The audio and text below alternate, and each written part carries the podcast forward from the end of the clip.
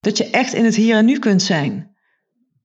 Dat je echt, zoals uh, Eckhart Tolle zegt, het ego ego loslaten, pijnlichamen loslaten. En dat je echt nieuwsgierig kunt zijn. En echt in het moment kunt zijn. Want het enige wat we als, waar we als leiders echt onwijs effectief zijn, is het gewoon echt als we in het hier en nu kunnen zijn. En niet als we vanuit ons hoofd dingen aan het voorbereiden zijn of, of in een groep of met een groep leiderschap pakken terwijl we in ons hoofd zijn. Gaat, dat werkt niet als je een groep moeiteloos mee wil krijgen. Welkom bij de Higher Self Leadership podcast van deze week.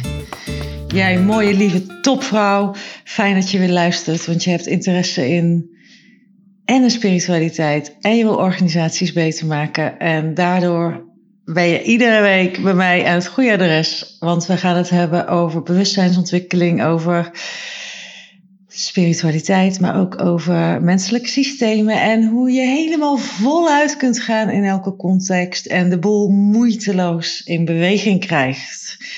Vandaag gaan we het weer wat meer hebben over groepen, over menselijke systemen en over hoe jij die organisatie in verandering kan krijgen, zodat je mensen moeiteloos in beweging krijgt. Um, ik, ik had vorige week drie fascinerende coachgesprekken met mijn klanten, met mijn deepdivers, vrouwen die um, organisaties leiden.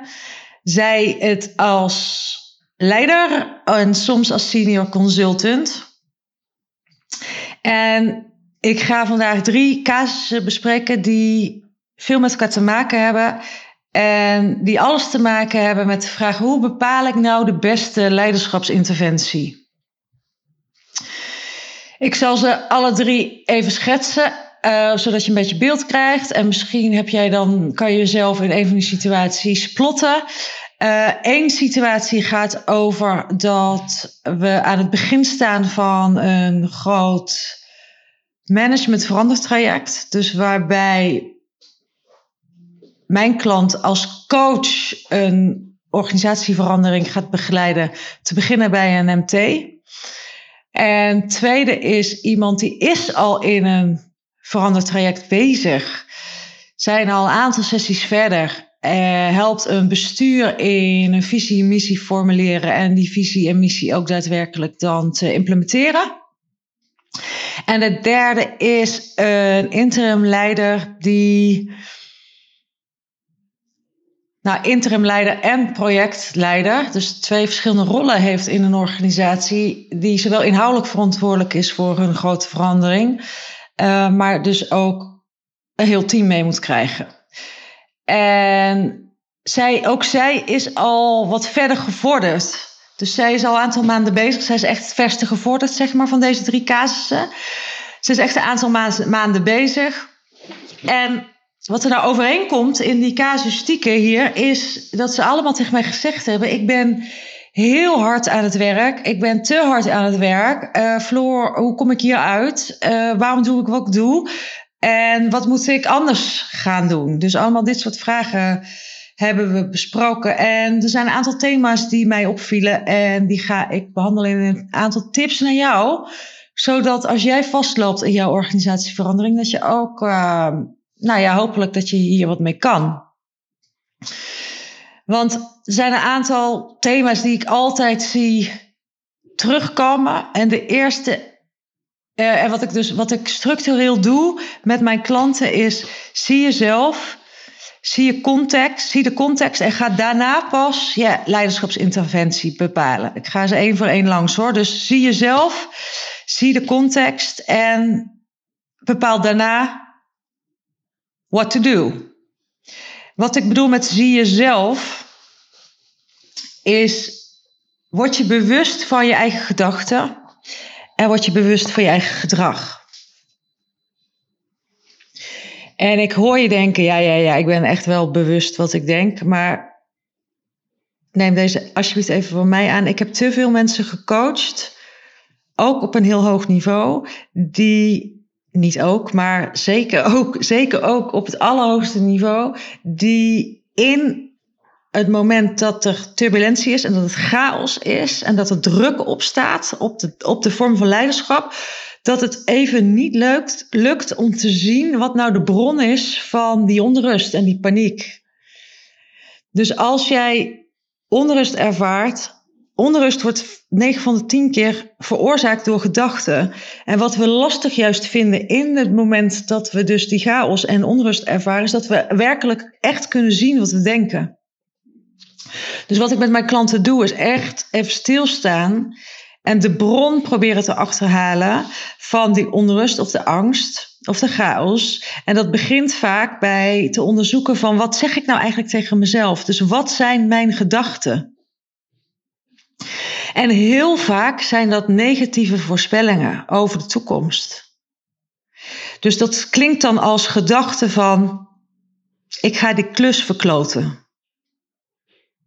Ze gaan mijn type leiderschapsstijl niet accepteren. En ik zeg deze negatieve voorspellingen omdat ik ze altijd al duizend jaar heb gehad. Vroeger ook. Uh, wat allemaal niet helpende gedachten zijn. Maar goed, het blokkeert je. En het, het blokkeert je. Uh, je gaat ervan in paniek. En je gaat, in het geval wat, wat ik ook mijn klant zag doen. Wat ik zelf ook heel erg herken. Heel hard werken. Dus nog meer voorbereiden, nog beter sleutelen aan je programma, nog beter de inhoud van dat onderwerp wat je het over wil gaan hebben, nog beter voorbereiden.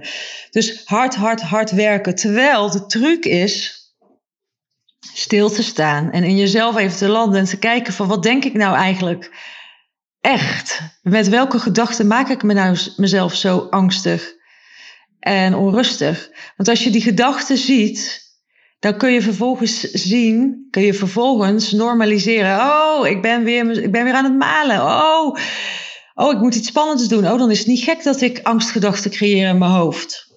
Dus dan kan je het normaliseren. Dus als je het observeert, kan je het daarna normaliseren. En vervolgens kan je afvragen van, oké, kan ik nou werkelijk waar denken wat ik... Kan ik nou werkelijk waar voorspellen wat ik denk? Klopt dit nou? Kan ik voorspellen dat dit een fiasco wordt, deze klus? Nee, dat kan ik niet voorspellen. Dus door een mentale training te doen met jezelf, en dit vergt naar mijn ervaring veel training, veel mentale mindset training, om te komen tot het punt dat je weer echt in je centerland, in connectie bent met je higher self, in connectie bent met je echte ware zelf, je werk wie je werkelijk bent, voorbij de angst. En dan ontstaat daar dus een vrijheid om ja, ook nieuwsgierig te zijn naar wat er gaat komen. Dat je echt in het hier en nu kunt zijn. Dat je echt, zoals uh, Eckhart Tolle zegt, het ego loslaat, ego loslaten, pijnlichamen loslaten. En dat je echt nieuwsgierig kunt zijn. En echt in het moment kunt zijn. Want het enige wat we als, waar we als leiders echt onwijs effectief zijn, is het gewoon echt als we in het hier en nu kunnen zijn. En niet als we vanuit ons hoofd dingen aan het voorbereiden zijn of, of in een groep of met een groep leiderschap pakken terwijl we in ons hoofd zijn. Gaat, dat werkt niet als je een groep moeiteloos mee wil krijgen. Dus één wat ik met mijn klanten doe, is, is achterhalen wat een bron is van de onrust. En, en vaak is dat 9 van de 10 keer zijn dat gedachten die een negatieve voorspellende waarde hebben. En we trainen de brein. Dus het is belangrijk te observeren wat je denkt als je erachter wil komen wat de beste leiderschapsinterventie is. Tweede, wat belangrijk is, is dat je gaat observeren van wat doe ik nou eigenlijk in mijn leiderschapsstijl, in mijn gedrag in dit moment. En in de tweede casus die ik je vertelde van iemand die al eh, die een bestuur coacht. En iemand die al vergevorderd is als interim manager werkt, die zeiden allebei tegen mij: Ik zie mezelf taken, verantwoordelijkheden van andere mensen overpakken. Ik zie mezelf hard werken. Ik zie mezelf te veel adviezen geven. Ehm, ik zie mezelf ja, gewoon ook te druk maken. Ik zie mezelf gewoon meer tijd besteden dan ik werkelijk denk dat er nodig is. Dus dit zijn allemaal gedragingen die, waarvan we ons kunnen afvragen: is dit helpend voor het doel wat jij hebt met de groep die je aan het bedienen bent, maar ook die de groep heeft. Nou, in dit geval was het, eh, in beide gevallen was nou ja, mijn gedrag is helemaal niet helpend. En vervolgens komt de vraag. Dus zie jezelf, zie je eigen gedrag, zie wat je denkt.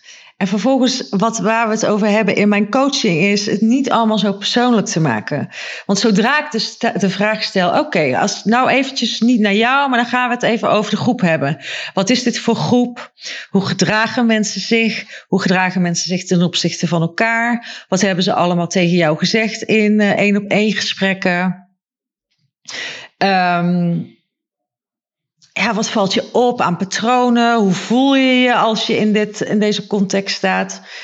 Dan beginnen mijn eh, klanten vaak al te lachen, want zij weten hoe het werkt met menselijke systemen. Zij weten hoe het zit met groepsdynamica. Zij weten dat groepen door flight gaan, door fight gaan en dat dat ja, dat dat de plek is, de organisatiedynamiek is, waarbinnen we te werken hebben in organisaties. Maar zodra ik ze dus weer heel even van hun eigen ellende afhaal en even focussen op de context, zien ze in dat hun organisaties waarin ze staan, dat die in flight zitten.